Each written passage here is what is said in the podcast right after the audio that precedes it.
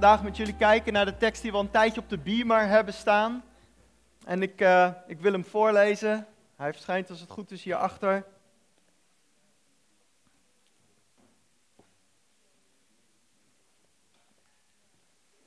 Ja, ik zal hem voorlezen. Johannes 15 zegt Jezus, vlak voordat hij uh, naar het kruis gaat, denk extra belangrijk, een van zijn laatste toespraken. Sommigen zeggen zelfs dat hij dit gezegd heeft aan de tafel, aan de avondmaalstafel. En dan zegt hij, ik ben de echte wijnstok en mijn vader is de wijnbouwer. De ranken aan mij, die geen vrucht dragen, neemt hij weg. De ranken die wel vrucht dragen, snoeit hij, om er nog meer vruchten aan te laten komen. U bent zuiver door het woord dat ik tot u gesproken heb. Blijf dicht bij mij, dan blijf ik in u. Net zoals een rank alleen maar kan vrucht dragen als ze in de wijnstok blijft, kunt u alleen maar vruchtbaar leven als u in mij blijft.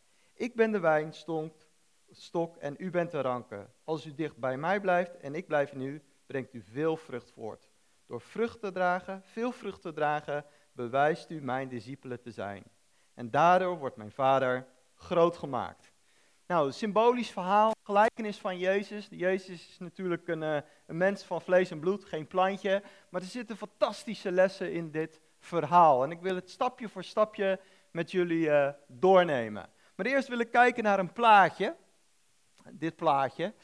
En uh, heel uh, belangrijk hoe jij vanuit jouw eigen karakter kijkt naar bepaalde plaatjes. Dit is een kastanje, mocht je je afvragen wat is het. En sommigen met misschien een angstige bril die denken van oei, kijk uit, zitten uh, uh, doorns aan. Neem maar een beetje afstand, kind op schoot, kijk uit, kastanjes. Iemand met een creatieve achtergrond die denkt misschien van hé, hey, zo'n kastanje, als we die uh, eruit halen, kunnen we iets leuks van maken voor op school, voor weet ik veel, herfstopdrachtje. Maar wat zal een ondernemer denken? Wat zal iemand met een visionair denken? Wat zal iemand denken die heel groot denkt? Die denkt, hé, hey, dit is een begin van een kastanjebos. Als we dit hebben, we gaan er goed mee om, dan kan dit uitgroeien tot een kastanjebos. Nou, ik denk, God de Vader is een grote denker. Absoluut. Toen hij de mens plantte, Adam en Eva, plop, was het niet dat hij zoiets dacht, nou, dit is het dan. Twee leuke mensen, en laat er alsjeblieft niet meer komen, want met deze twee heb ik al mijn handen vol. Nee, God de Vader dacht van, ik, want, want Adam en Eva zijn natuurlijk gemaakt naar het beeld van God, dus even in mijn woorden, ze waren gemaakt naar het beeld van Jezus, in hun karakter, in hun daden, in hun relatie. Keek je eigenlijk een beetje naar Jezus bij de eerste mens. En wat was de opdracht? Dat God zei van, ik zie Adam en Eva, maar ik zie meer. Ik zie als het ware een kastanjebos, ik zie een massa mensen, duizenden miljoenen mensen, die lijken op mijn zoon.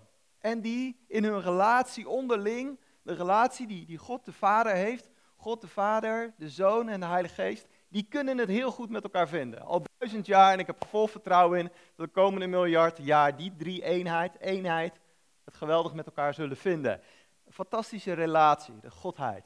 En God zei, als ik mensen maakte, wil ik dat zoals wij met elkaar in verbinding staan, dat de mensheid ook zo met elkaar in verbinding staan. En hij noemt zichzelf, dat zegt Jezus over de Vader, hij is de, de, de verschillende vertalingen, hij is de landman. Hij is de wijnboer, hij is de wijnverzorger. Dan mogen we naar de volgende. De vader die ziet het in perspectief. Die ziet niet een klein stukje, die ziet groot, die denkt groot. Nou, elk mens is verschillend. Eén denkt heel erg individueel, op één op één is die goed in. De ander is goed in een kleine groep, zes, zeven mensen. Sommigen zien groot. Iedereen is verschillend en dat mag ook. Ik denk de vader die denkt één op één. Hij denkt aan jou, aan jouw persoonlijkheid, aan jouw leven. Maar hij denkt ook groot. Hij wil groot en dan wil hij ook gaan investeren. In jou en mij wil hij investeren dat het, dat het goed met ons gaat. Dat ons leven zijn zoon weerspiegelen. De vader had als het ware een stuk land, dat is de aarde die hij schiep. En had zoiets van, daar mag mijn mensheid op gaan, eh, op gaan groeien, gaan bloeien. Dat is het idee. En het was altijd het idee dat, dat de mens dat zou doen vanuit de verbondenheid vanuit diep contact met God. Heel het Oude Testament, dan zie ik eigenlijk een eenzame vader in het Oude Testament die roept, kom dicht bij mij. zoek de intimiteit. Blijf in mijn nabijheid. Al die profeten en priesters en richters, één boodschap. Jongens, niet die kant op, dicht bij mij. Kom bij mijn hart. En dan gaan we naar de tweede, kwam Jezus. En Jezus zegt van zichzelf, ik ben de ware wijnstok. Nou, die wijnstok vind ik zo'n apart woord. Het is eigenlijk wijnplant of wijnboom in mijn idee. En dat is een sterke, sterke boom, sterke wijnstok. In die wijnstok zitten vitamine, mineralen, stoffen en allemaal dingen waar ik helemaal geen verstand van heb. Die alles is daar. Alles is daar. Zit vol. Vol, vol, vol. Meer dan genoeg. Waarom? Om die levenssappen, die vitamine te laten stromen. Waarom? Naar de ranken toe. En die wijnstok, zegt Jezus, dat ben ik. Ik ben de ware wijnstok. Al het andere is dus nep, al het andere is dus onecht. Jezus zegt, ik ben de ware wijnstok. Ik heb al die bronnen, die vitamines, die mineralen die jullie nodig hebben, leeft en is in mij. En afgelopen tijd ben ik weer de evangelie aan het lezen. En in het begin dacht ik, oh ja, ken ik allemaal, ken ik allemaal, weet je, bekend, vertrouwd, komt die sleur erin. Maar als je echt tijd neemt om die evangelie te lezen, te bestuderen, misschien in een andere vertaling, wat het mij doet, is ik word weer opnieuw gepassioneerd over Jezus. En dat is het hoogste doel toch in ons leven, dat we gepassioneerd zijn over Hem. En ik... Um, um, als ik dan de evangelie lees, en het is zo eenvoudig, die verhalen, die gelijkenissen, Zacchaeus in de boom, uh, dochtertje van uh, Jairus, al die bekende verhalen. Maar als je stilstaat, hoop ik dat je dat ook in deze periode van vasten en heiliging en toewijding wilt gaan doen, om stil te staan bij de woorden van Jezus. Dan, dan gebeurt er altijd wat met mij. Maar ik denk dat velen van jullie dat herkennen. Als je inzoomt op de persoon van Jezus, gaat je hart weer extra branden. En ik denk, wat ik zo mooi vind aan Paulus, die wandelde een jaar, een paar jaar met Jezus. En dan zegt Paulus op een gegeven moment dit. Van, ik vergeet alles. Alles wat achter me ligt. Ik vergeet al die andere dingen. De rest is, is vuilnis, is poep. Stelt allemaal niks voor. Ik wil Jezus kennen. En die woorden zijn, hij is gewoon radicaal. Hij is geobsedeerd, fanatiek, totaal obsessed met de persoon Jezus. En ik denk, wij gaan door stormen heen van ons leven. We hebben soms tegenwind, we hebben orkanen. Maar ik denk van, het is zeker als je langer met God loopt, is dat een opdracht voor jou. Dat je radicaal je geliefd weet door God, maar dat je radicaal een liefhebber bent van Hem. De wereld, geloof ik, wacht op, op, op, op mensen zoals, zoals wij, die gewoon totaal verliefd zijn op Jezus. Maakt niet uit wat ze van ons denken, toch wel stiekem, maar weet je, wij willen helemaal bezig zijn met de persoon Jezus. En als ik de Bijbel lees, ik lees die even en denk, Heer Jezus, wat denkt u? Wat voelt u? Wat verlangt u? Wat vraagt u? Als ik de Bijbel lees, dan is het nooit van, oh, leuke informatie. Nee, ik wil zijn hart kennen. Ik wil zijn hart kennen. Een goede vriend van mij heeft, heeft een Bijbel en daarbovenop heeft, uh, daar, uh, heeft hij hier zo opgeschreven, wat is uw hart? En elke keer heb ik van hem geleerd, als hij de Bijbel leest, wat is uw hart? Wat zegt dit over uw karakter? Dit persoon, deze gelijkenis, wat zegt dat over uw wezen? Wie bent u? En dan zegt Jezus, ik ben die ware wijnstok. Om bij mij verbonden te zijn is beter dan duizend dagen elders. En dan gaan we naar de volgende. En dan zegt hij iets over ons. Dan zegt hij, jullie zijn de rank. Dat is eigenlijk een levende tak. Nou, die levende tak die kan alleen leven als die intiem verbonden is met die wijnstok. Ik heb even uh, een plantje meegenomen, die, die, of een tak. Die tak heeft alleen leven door verbonden te zijn aan de wijnstok. Als ik zeg uh, thuis tegen Vera van, hé, hey, we krijgen over een paar weken druiven. Ik heb hier een, een, een, takje gevonden, ik leg die in de fruitmand neer. we zegenen het, proclameer, er komen vruchten. Ik bid ervoor, die, dit ding gaat vasten. En dan over een paar weken, dan hebben we de mango's en dan hebben we kiwis. En, want ik heb geloof, ik heb vertrouwen. Komt helemaal goed. Weet je, water eroverheen, olie eroverheen. Kom op, kom op. En misschien denkt hij het zelf ook. Ik doe mijn best, ik doe mijn best. Veel kennis. En ik leg een Bijbel erin, weet je. Zo, hop, ja, veel lezen. Nee, nee, werkt niet. Werkt niet. Die tak, Die kan alleen leven, kan alleen vrucht dragen, kan alleen doen waar hij voor bestemd is, als die tjak in die wijnstok is. En ik merk, het is zo'n valkuil dat je als takje naar allerlei conferenties gaat en boeken lezen, christelijke wereldje. En dan hoor ik af en toe die stem van, van, van Jezus tegen mij, Kors, Kors, kom dicht bij mij. Plant jezelf met je gedachten, met je verlangens, met je emoties in mij. Blijf heel intiem met mij. En dan zegt hij, het gaat dus niet van keihard je best doen. Dat plantje is niet van, en nu, ga ik echt mijn best doen. Vandaag ga ik mijn best doen. Nee, wat is de kracht? Wat is de kracht van dit plantje? Verbondenheid. Dat dit geconnect is met dat plantje. Zodat die levenssappen, die wijsheid, die genade, die kracht, die liefde, die bewogenheid, die compassie, die zachtmoedigheid, die geduld, die autoriteit, alles wat Jezus is, dat het stroomt naar tak. En dan is het opeens dat die tak opeens zelf van, hé, hey, wat gebeurt er? Wat overkomt mij? Wat gebeurt er? Begint van alles te groeien en te bloeien en te ontwikkelen. Waarom? Omdat, het, omdat Jezus vol is van wie hij zelf is. God heeft ons die geest gegeven, niet met mate, met volheid, zodat het stroomt.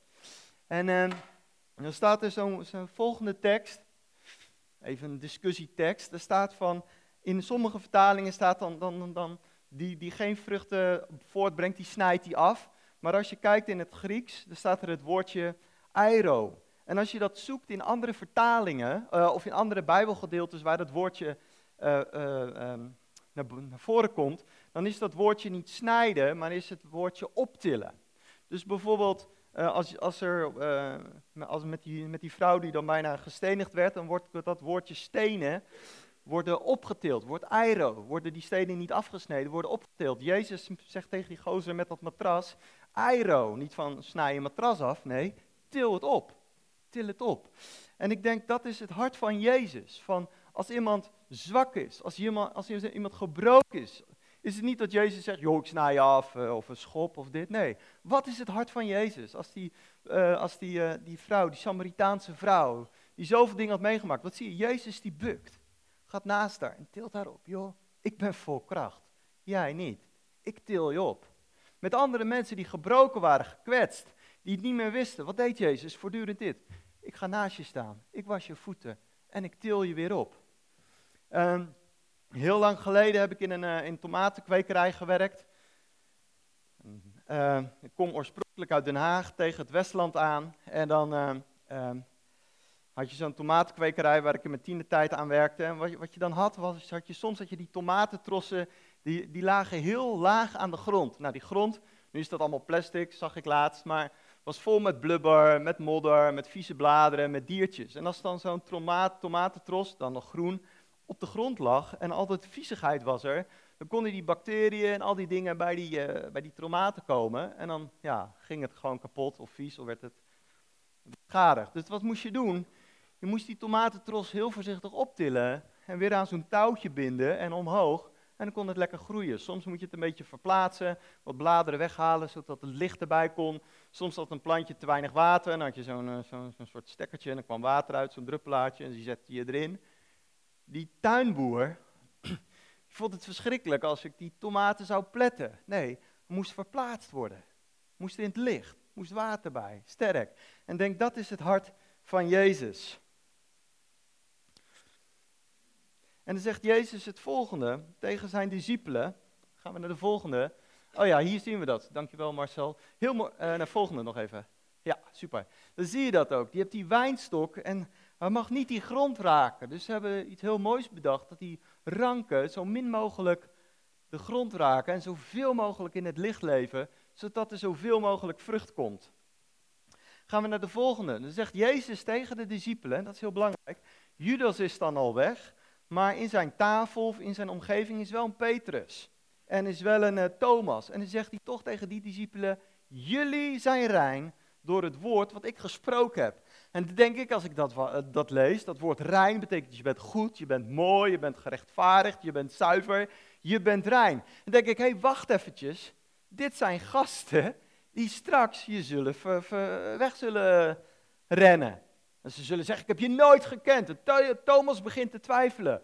Hoe kan je nou zeggen tegen deze lui, je bent rein, je bent mooi, je bent puur, je bent goed. ik zou zeggen, wat dan, jullie zijn een stelletje huigelaars. Jullie zijn een beetje tweederangs christenen, een beetje tweedehands. Want ja, jullie doen nu het allemaal goed gaan, dan eh, ben ik jullie uh, vriend en messias en uh, hop, hop, hop, hosanna. Maar strakjes kennen jullie niet meer. Dan, dan weet je opeens niet meer van toet en blazen.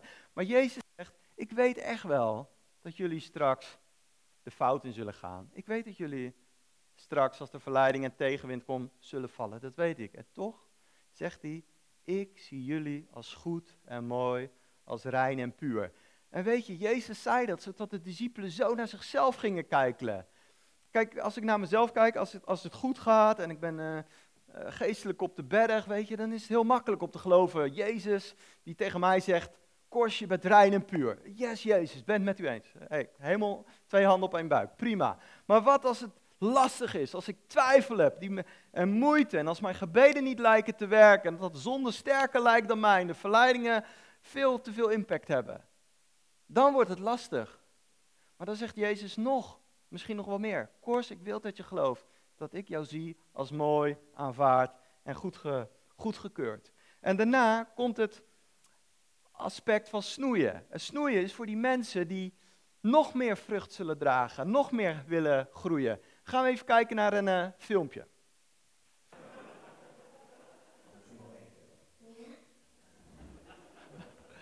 Goed hè? Mooi.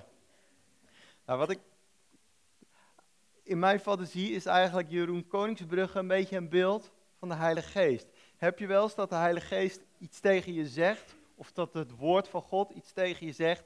En dat je net zo, ik reageer dan vaak, hm, nee joh, valt wel mee. Of nee, dat, dat is iemand anders. Nee, dat ben ik niet. Dat de Heilige Geest zegt, nee, dit is jouw zwakke punt. Dit kan anders. Ik wil groei.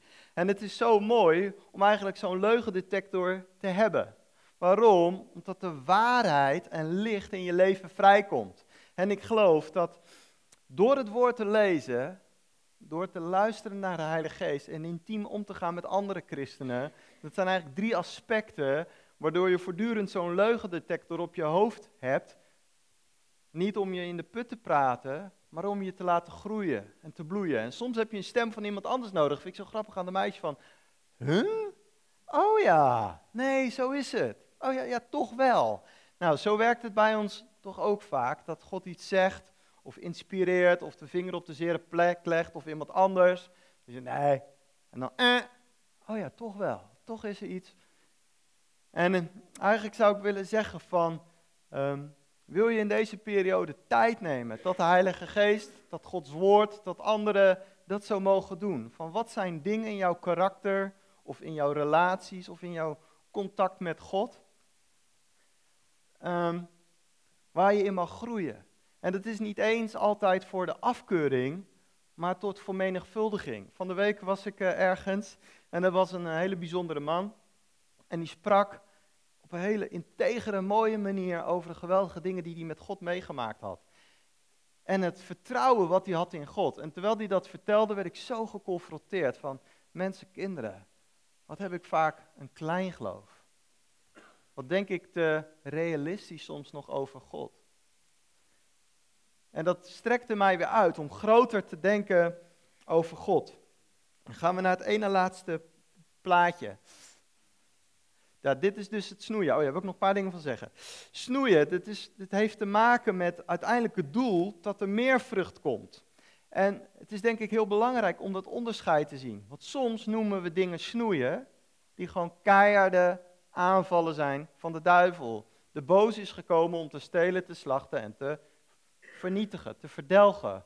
God wil ons echt wel snoeien. En het is heel belangrijk om te ontdekken, wat is een aanval van de duivel? Want dan moet je het wegsturen of wederstaan. En wat is een snoeiproces van God? En ik geloof dat bepaalde dingen echt niet het snoeiproces zijn van God. Echt niet, absoluut niet. Maar bepaalde dingen in jouw leven, in mijn leven, kunnen wel zijn dat God zegt: Ik doe dat vanuit liefde, vanuit de potentie voor de toekomst om jou te snoeien. En als het snoeien is, dan is het niet meer vechten tegen God, maar dan wil je meewerken met God. En dan wordt het wat makkelijker. Dan is God niet meer een tegenstander van, oh, oh, het is zo zwaar, zo moeilijk, klaag, klaag, klaag. Nee, Heer, u bent aan het snoeien, omdat u al ziet het volgende hoofdstuk. En hoe kan ik meedoen? Hoe kan ik meedoen zodat er nog meer vrucht groeit? Dat is het volgende: vrucht. God wil vrucht zien. God wil blijvende vrucht zien. En um, God wil iets van je. Nou, wij zijn Nederlanders en we willen niet zo graag dat iemand iets van ons wil, maar God wil wel iets van ons. God wil vrucht in ons leven. Hij wil niet dat je voor jezelf leeft, voor je eigen comfort, voor je eigen pleizier-gevoel. Nee, God wil absoluut dat er vrucht is in jouw leven. God wil investeren, God wil mensen op jouw pad brengen, God wil dat je tijd apart zet voor Hem. Waarom? Omdat Hij vrucht in jouw leven wil zien. Als het ware niet in je naki de hemel ingaan. Nee, met vrucht. Nou, vrucht kan allerlei manieren. Ik wil er twee noemen, er zijn er vast wel meer, maar ik wil er twee noemen. De eerste is de vrucht van het karakter. Nou zijn we mee bezig, hè? De vruchten van de geest, met onze vaste periode. God is daar super in geïnteresseerd, in de vrucht van, van, van Hemzelf eigenlijk in ons leven. Maar de tweede vrucht, waarin hij ook heel geïnteresseerd in is, dat is de vrucht van discipelschap. Jezus, die neemt afscheid van zijn discipelen en dan zegt hij, ik heb jullie drie jaar lang in jullie geïnvesteerd. Jullie zijn gaan groeien. Ik heb jullie laten bloeien. Ik heb jullie gesnoeid. Jullie, hebben, jullie zijn vol. En nu wil ik dat je andere mensen leert. Dat je andere mensen meeneemt. Ga discipelen, ga vermenigvuldigen. Ga kijken naar kansen, naar aansluitingspunten om mensen uit te nodigen, om met mensen op te trekken, je leven te delen, zodat je ze discipelt. Wie discipel jij? Behalve natuurlijk als je de gelegenheid hebt, je kinderen. Maar wie discipel jij? In de kleine groepen is een geweldig instrument om mensen te discipelen, aan te moedigen, te versterken, te bemoedigen, te confronteren. Door wie word jij gediscipeld? Ik hoop niet dat het alleen afhankelijk is van deze zondagochtendpreekjes. Nee. Door wie laat jij je snoeien? Ik heb een, eh, een, een, een mentor, die heeft hier ook wel eens gesproken, die ik regelmatig ruimte geef van spreek eens in mijn leven in. Waarin zie je zwarte plekken? Nou, dan moet je heel even denken en dan komen er dingen. Waarom? Dat is goed. In zekere zin samen verantwoordelijk voor ons geestelijk leven om te groeien. Een andere. En dit is een stelling. Je mag het helemaal met mij oneens zijn, maar misschien leuk om met de connectgroep of thuis erover te praten. Vruchtbaar, vruchtbaarheid is een bewijs dat je met Jezus leeft. Dat is gewoon een stelling. Je mag me helemaal verketteren, je mag het helemaal met, niet met me eens zijn. Maar vruchtbaarheid is een bewijs dat je met Jezus leeft. Als je niet met Jezus leeft, is er geen vruchtbaarheid. Even scherp, radicaal, maar ik denk, Connect Kerk kan dat wel, eh, kan dat wel handelen. Blijf toch van me houden, lieve mensen allemaal. Maar vruchtbaarheid is een bewijs dat je van Jezus, met je, dat je met Jezus leeft.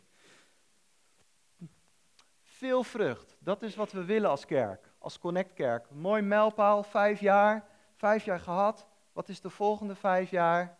We willen veel vrucht zien. Laatste sheet. Intimiteit, dat zegt Jezus, hè? Blijf in mij. Blijf in mij verbonden. Het gaat om relatie, het gaat om contact. En ik merk, in een relatie heb je uh, relatie-ingrediënten nodig. Relatie-ingrediënten. Je hebt bepaalde dingen van je hart nodig, bepaalde harthouding, waardoor je relatie goed blijft. Een van die sleutels is gericht zijn. Gericht zijn op die ander. Ben jij gericht in je hele drukke agenda op God? Is daar een afhankelijkheid? Ben je afhankelijk van God? Is daar genieten? Heel belangrijk om te genieten van God. Belangrijk om een overgegeven leven te hebben om te luisteren. is belangrijk in je relatie, maar zeker in je relatie met God. Om te luisteren, om te gehoorzamen, om dankbaar te zijn, om te vertrouwen, om toegewijd te zijn. Dat zijn allerlei aspecten die nodig zijn in een relatie. Als je niet meer vertrouwt, als je niet meer toegewijd bent, als je niet meer dankbaar bent, als je niet meer geniet, als je niet meer respect hebt, dan zal die relatie doodbloeien. Dan zal er geen vrucht zijn. Maar in een relatie, als je op gezonde manier afhankelijk bent, als je geniet, als je luistert naar elkaar, als je gehoorzaamt, als je elkaar vertrouwt, toegewijd bent, dan is die relatie levendig. Dan is het gezond. En dat is het verlangen van Jezus, dat je een levendige relatie hebt. Als Jezus zegt, blijf dicht bij mij, kom bij mij, dan is dat die oproep tot een intieme relatie. En dat is niet altijd makkelijk. We zijn druk. Uh, een tijdje geleden was ik op een retraite, een, uh, een dagje en een nachtje, met een aantal uh, leiders. Was wel lachen. Uh, moesten zo'n voorstelrondje doen. En de een zei, ik heb een gemeente van 700. De ander had tien boeken geschreven. De ander had een cd en dit. Toen kwam ik. Ik zeg, ja, ik hou gewoon van Jezus. En uh, ik doe uh, wat ik leuk vind. maar goed, voel je even zo klein worden hè, tussen al die mensen. Hebben jullie ook wel eens last van al die mensen die succesvol, die groot, die succesvol. Kwam ik, denk, ja, ik had bijna de neiging om even iets te verzinnen. Ja, ik heb zeven boeken geschreven en tien, uh, tien gemeenten in Afrika waar niemand iets van mag weten. Of het Midden-Oosten is geheim. Sorry, ik kan niks vertellen. Maar goed, La, laat maar. Maar wat zo apart was, we hadden die, uh, die tijd met elkaar. En Jan-Paul leidde dat een beetje. En die daagde ons uit en die zei van... heb je nog liefdes, uh, liefdestijd met God. Heb je liefdestijd met God? En wat hij bedoelde, is dat je tijd apart zette. En voor de een is dat wandelen in een bos, ander is dat aanbidden, ander is muziek luisteren. Maar heb je nog liefdestijd met God in je drukke agenda's? En daar zaten we met, met iets van 15 uh, eh, figuurtjes. Best wel vruchtbare lui, best wel succesvol. En eigenlijk waren we allemaal gebroken. Toen we daar zo over hadden van. We doen zoveel goede, mooie dingen. En allemaal gasten met heel veel passie. Met zoveel passie voor God. En dat de een naar de ander soms letterlijk op hun knieën neerviel. En zei, ik heb het zo druk. Er zijn zoveel dingen die me tijd vragen. Me aandacht vragen. Goede dingen, nodige dingen. Maar eigenlijk komt Jezus er bekijkt vanaf. Ik heb weinig intimiteit. Weinig liefdestijd met God. En het mooie was, de een naar de ander zei van... Alles kan me gestolen worden. De kerk van 100 naar 700 in vier jaar tijd ergens in Nederland. Dat kan, weet je. Het gaat om die intieme relatie met God. Heb ik nog liefdestijd met God? En uh, daarmee wil ik afronden in onze drukke levens. Van, uh, hebben we nog tijd? Tijd om te genieten, liefdestijd te hebben met God. En ik wil gewoon um, voor jullie bidden. En als je nog verlangen hebt voor gebed, voor profetische woorden. We hebben een fantastisch uh, gebedsteam onder leiding van Alfons. Ik ga daar ook af en toe wel, wel heen om gebed te ontvangen. Dan kan je denken, ah, maar je bent al zo lang christen en een leider en een spreker. Supergoed om daar te ontvangen. Supergoed. Het is een heilige plek.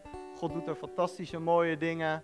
Als je het hebt over die leugendetector, nou daar, daar zo gebeurt heel veel. Het zijn fantastische mannen, vrouwen die bidden, die woorden van wijsheid, van profetie spreken. Hier is geen drempel, maar soms voelt dat wel als een drempel om daar te komen. Maar weet je wat die drempel is? Het is vaak een geestelijke drempel. Want ik geloof hier, worden, als mensen voor je bidden, worden dingen vrijgezet. Komen doorbraken, worden dingen geboren. In de Connect-groep hadden we er een tijdje geleden zo'n gesprekje over. En de een na de ander zei, ja, toen bad Alfons van me, voor me. En dat was wel heel inspirerend en bepalend voor mijn roeping. Oh ja, toen kwam ik naar voren, toen bad die en die. Ik weet niet eens meer wie. Maar het was zo beslissend. Het gaf zo de goede zet.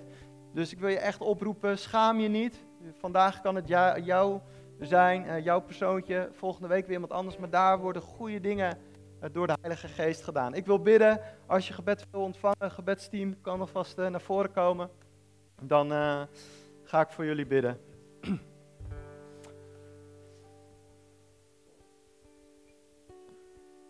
Ja, lieve Vader in de hemel, geweldige Jezus. Alles, alles, alles is in u. U bent meer dan genoeg. Alle wijsheid, alle kracht, alle liefde, alle bewogenheid die we nodig hebben is in, is in u. Vader, ik bid voor in ieder van ons, Heer, dat we deze, dat we misschien gewoon opnieuw een keus maken. Misschien kun je symbolisch, als je dat wil, je hand op je hart leggen. Symbolisch je hand op je hart leggen. Ik wil opnieuw vandaag kiezen om tijd te hebben met u. Ik wil vandaag opnieuw een keus maken om tijd apart te zetten voor u. In de drukte van alle dag, in de verantwoordelijkheden, in de plichten wil ik tijd apart zetten voor u. Help mij daarbij, Vader. Help mij daarbij om liefdestijd te hebben met u. Om van u te horen van u te genieten. Om gesnoeid te worden, zodat er meer vrucht komt.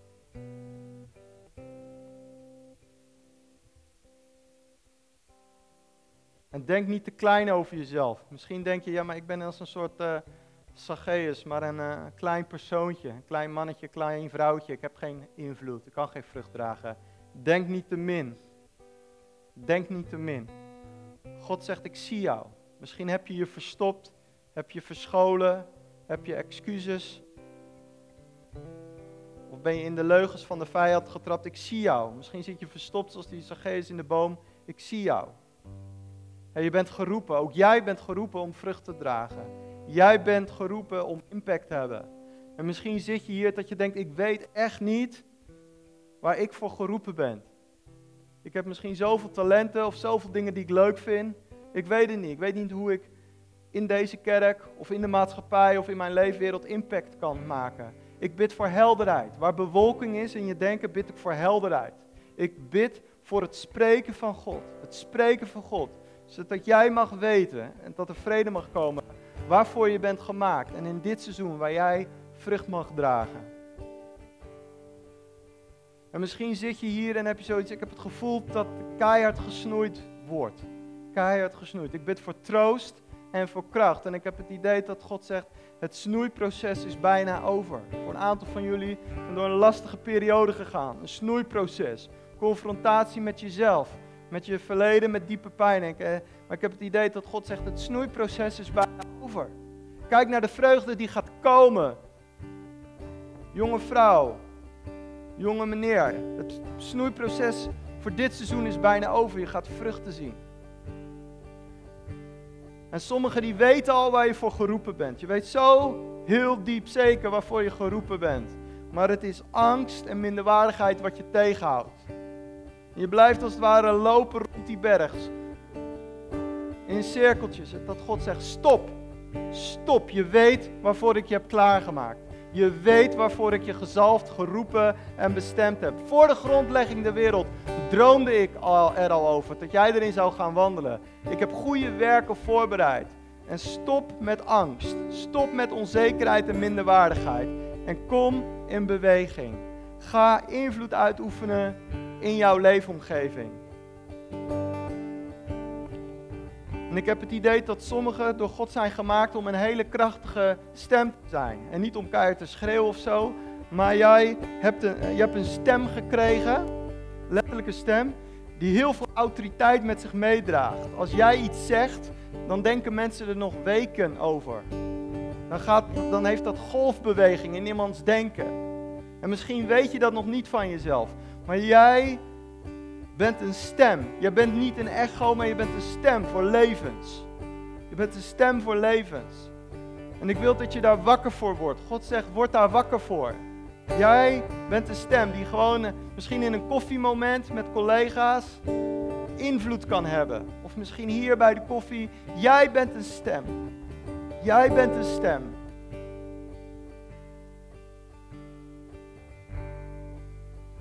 En tot slot het laatste. Ik heb het idee dat, dat sommige mensen echt in een veranderingperiode zijn in hun godsbeeld. Als je een verkeerd godsbeeld hebt, wordt het heel lastig om vrucht te dragen. En wat God wil, is jouw godsbeeld veranderen. En God is bezig om jouw beeld van Hem te veranderen, zodat je veel vrucht draagt. En misschien denk je van, ik zie nog zo weinig vrucht niet en het is niet ook echt een snoeiproces. Wie ben ik, waar zit ik in? Maar God is bezig om jouw beeld over Hem te veranderen. Jouw beeld over Hem te veranderen. Zodat het zal leiden tot het dieper kennen van Hem, het meer houden van Hem en het dieper vrucht dragen.